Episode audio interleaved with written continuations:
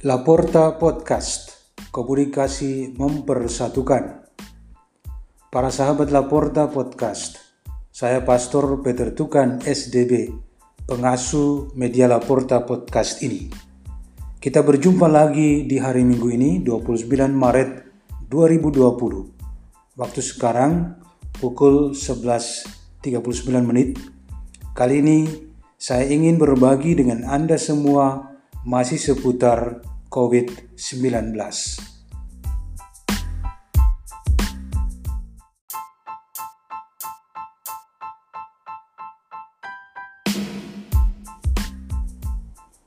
Apa kaitan antara COVID-19 dan paru-paru manusia? Sudah bukan rahasia lagi bahwa COVID-19 ini menyerang paru-paru manusia. Target masuk virus ini adalah saluran pernapasan dengan melalui mulut, hidung, dan mata. Dari saluran pernapasan itu, fokus yang dimakan dan dirusak ialah paru-paru. Seorang tenaga medis di sebuah rumah sakit di Jawa Tengah mengetahui dengan jelas bagaimana para penderita COVID-19 ini menanggung penderitaan paru-parunya.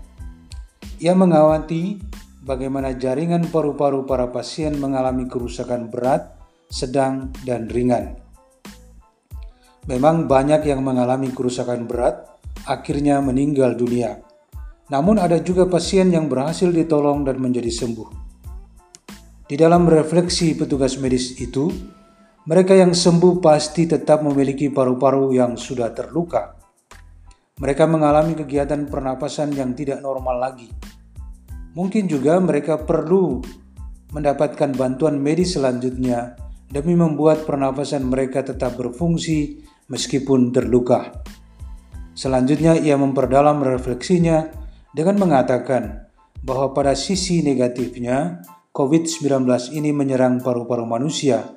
Namun hikmah yang diambil dari peristiwa ini juga sangat penting Menurutnya, dengan diterapkan lockdown atau social distancing, paru-paru dunia dan kehidupan mendapatkan pertolongan yang sangat berarti. Pembatasan kendaraan bermotor atau bermesin di darat, laut, dan udara ikut menekan volume polusi udara. Aktivitas ekonomi dan sosial menjadi berkurang karena masyarakat mengisi hari-hari hidupnya di rumah masing-masing kemacetan di jalan-jalan utama, dan kerumunan di tempat-tempat umum berkurang signifikan.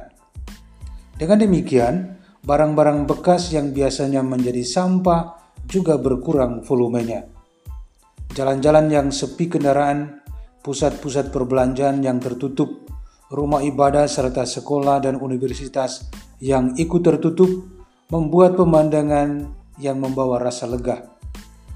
Di pagi dan sore hari, burung-burung ramai memenuhi taman, seakan-akan mau bersuka cita karena alam ini telah menunjukkan perubahannya. Memang, kita perlu melihat dari sudut pandang positif dan negatif tentang adanya COVID-19 ini.